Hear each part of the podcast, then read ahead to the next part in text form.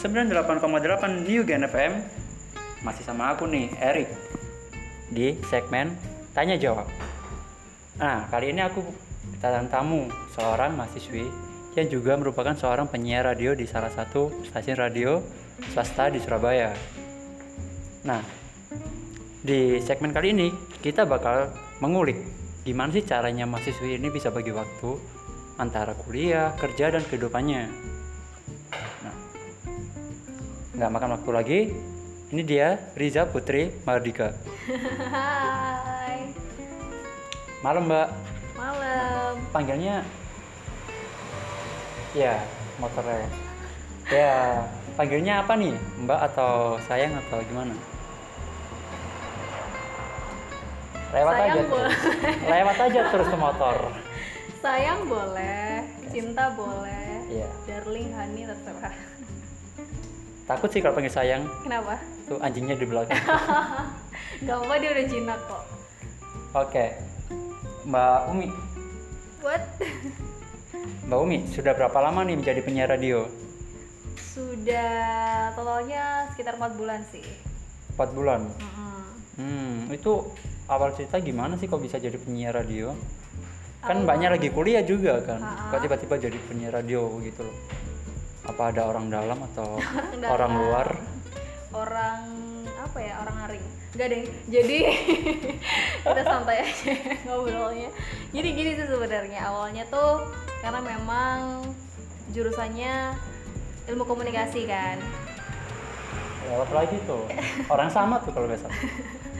Jadi karena emang di jurusan ilmu komunikasi sering apa ya belajar broadcasting juga. Kebetulan waktu itu ada magang di salah satu radio di Surabaya kan. Hmm. Terus ya udah coba dan akhirnya eh, apa namanya diterima di sana dan sekarang lanjut jadi freelancer di sana gitu. Keren sih. Jadi udah punya dasar ya sebelum join ke radio udah punya dasar. Mm-mm. Ya dengeran sih dari suaranya kayak suara-suara orang yang Enggak deh. Ya. Oke. Selain jadi penyiar, Mbak juga seorang mahasiswa ya? Iya, iya. Di mana? Iya, Iya. iya, iya, di iya. UPN Veteran Jawa Timur. Jurusan Ilmu komunikasi tentunya. oh, semester berapa, Mbak? Semester tua sih, semester 7 sekarang. Tujuh itu tua ya? Iya. Kan udah mau skripsi. Oh iya, masuk akal sih. Iya. Tolong. Nih, Mbak, gimana sih rasanya bekerja sambil kuliah? Rasanya An, an, ah mantap gitu. Ah, Jadi kalau tanya ya? rasanya ya suka duka pasti ada lah. Rasanya enak, rasanya nano-nano. Ada enaknya, ada nggak enaknya. iya, soalnya kan Mbak ini juga jadi penyiar waktu di semester tua kan? Nah, Sekarang kan waktunya Mbak ngerjain ini nggak sih tugas tugas akhir? akhir ah, ah. Ya itu sih nggak enaknya mungkin eh, apa namanya lagi sibuk-sibuknya ngerjain tugas akhir. Tapi sebenarnya justru enaknya kita nambah relasi di sana dan kayak apa ya menyiapkan kita untuk ke dunia kerja justru. Karena kan Hmm. udah semester tua nih. Nah kalau misalnya kita nggak magang terus nggak nyobain dunia kerja sebelumnya nanti kaget kan takutnya. Jadi kayak ada Kaget kan? ada apa ya? Ada benefitnya karena kita juga belajar Oke.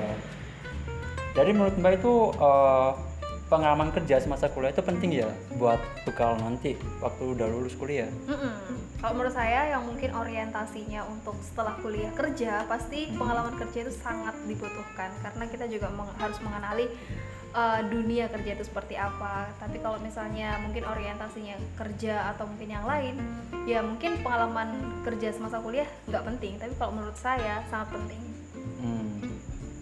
Nah, eh, dengar-dengar Mbak juga berprestasi ya semasa, semasa kuliah.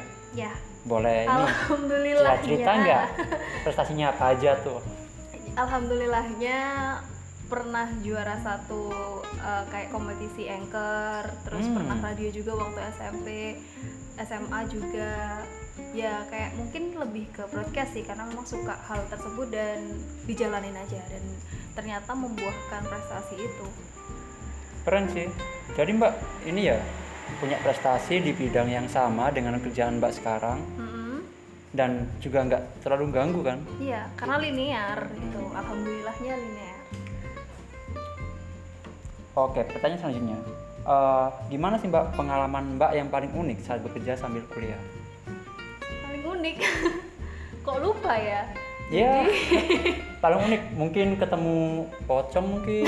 Enggak sih enggak sampai gaib sih sebenarnya. Tapi emang ya apa ya ada sih. Waktu itu lagi uniknya karena emang nggak pernah ada basic. Ya.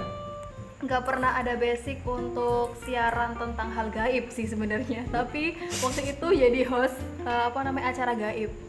Oh ya? Hmm jadi aku emang suka eh, apa namanya kayak mungkin ngelihat-ngelihat eh, apa namanya kayak di konten-konten di YouTube tentang Mm-mm. dunia gaib dan sebagainya tapi belum pernah tuh kayak terjun langsung di hal-hal yang seperti itu dah kalau kita udah nge-host atau mungkin jadi announcer di salah satu program kan otomatis kita harus belajar juga kan memahami hal-hal yang seperti itu kan Benar, benar. nah itu sih eh, apa namanya kayak pengalaman paling unik karena apa ya nggak tahu apa-apa tentang hal itu tapi diajakin eh, apa namanya kayak siaran tentang hal itu gitu loh. Kan apa ya kayak menurutku itu pengalaman yang unik sih kayak gitu.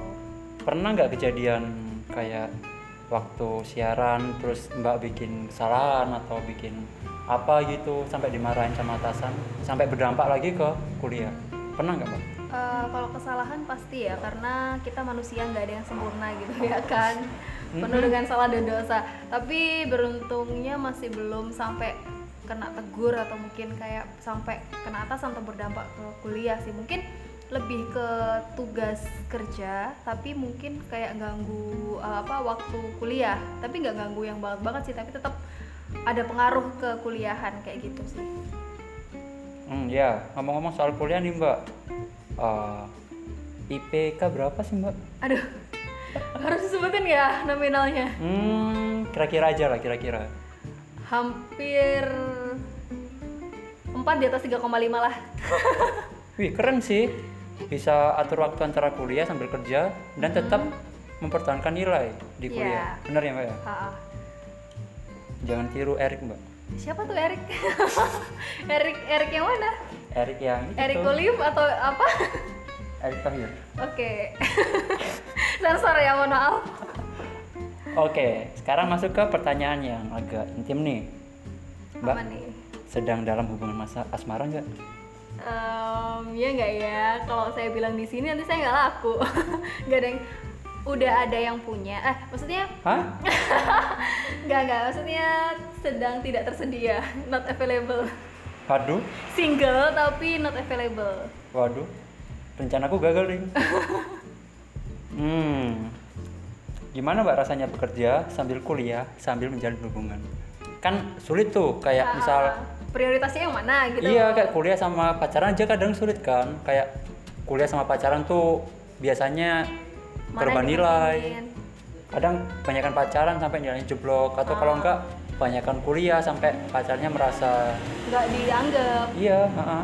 gimana sih mbak rasanya ya apa ya selama ini sejauh ini masih belum ada apa ya maksudnya kayak ketimpangan sih. Ya semoga saja tidak ada ketimpangan ya.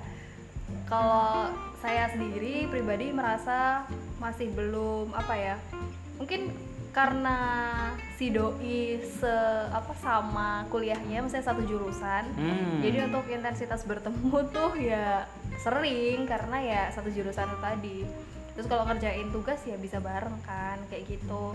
Terus kalau kerja ya si doi juga apa ya magang di tempat yang sama sama saya. Loh. jadi ya ya udah gitu. Kok bisa? Ya mbak bisa. ketemu sama doi di tempat magang atau dia sebelumnya udah? ngikutin sih emang Oh. dia posesif kayak gitu. Kelihatan sih Iya. kelihatan sih kayak bajingan. Oke oke. Oke eh, dari ini sih eh enggak pertanyaan terakhir nih dari aku. Ya kok terakhir sih? Ya soalnya udah durasi sih mbak. Oke oke. Oke, dari Mbak Riza nih, apa ada saran atau nasihat buat para mahasiswa atau calon mahasiswa tentang kuliah dan bekerja? Kalau nasehat kayaknya terlalu menggurui banget ya. Paling apa ya pesan aja sih buat teman-teman yang mungkin masih uh, baru masuk perkuliahan atau apa mungkin kalian uh, apa namanya enjoy dulu aja ya. Kalau kalian ikhlas dalam artian enjoy dalam menjalani itu nanti kalian pasti dapat hikmahnya kok. Hikmah apa tuh? maksudnya eh, mungkin awal-awal kita bakal sulit karena nggak apa ya mungkin masih belum paham kan. Tapi nanti eh, dijalanin aja tapi eh, apa dengan ikhlas maksudnya jalan dengan ikhlas nanti pasti dapat sesuatu. Jalani dengan ikhlas ya. iya dengan ikhlas Tolong dengan dengar Mas Mursyid. dengan senang hati jangan mengeluh yang sabar Mm-mm. Gitu. Jangan mengeluh, yang Iya, sabar. sabar. Kalau ada konflik, kalau ada konflik langsung selesaiin. Iya. Bener gak sih? Ya, Iya. dengar kan Mas Mursyid? Iya jangan dilama-lamain kalau ada konflik Iya benar. Nah ini sih Mbak, kadang kan banyak orang mikir kan kalau kuliah sambil kerja tuh kalau udah kenal uang, kuliah bakal susah kan? Iya. Kayak, aduh apaan sih kuliah? Enakan kerja dapat duit.